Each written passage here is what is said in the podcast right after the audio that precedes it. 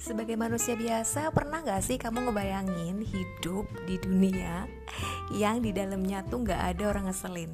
Waduh rasanya kayak apa ya? Seneng kali ya. Gak ada orang ngeselin, gak ada orang nyebelin. Ya habis gimana?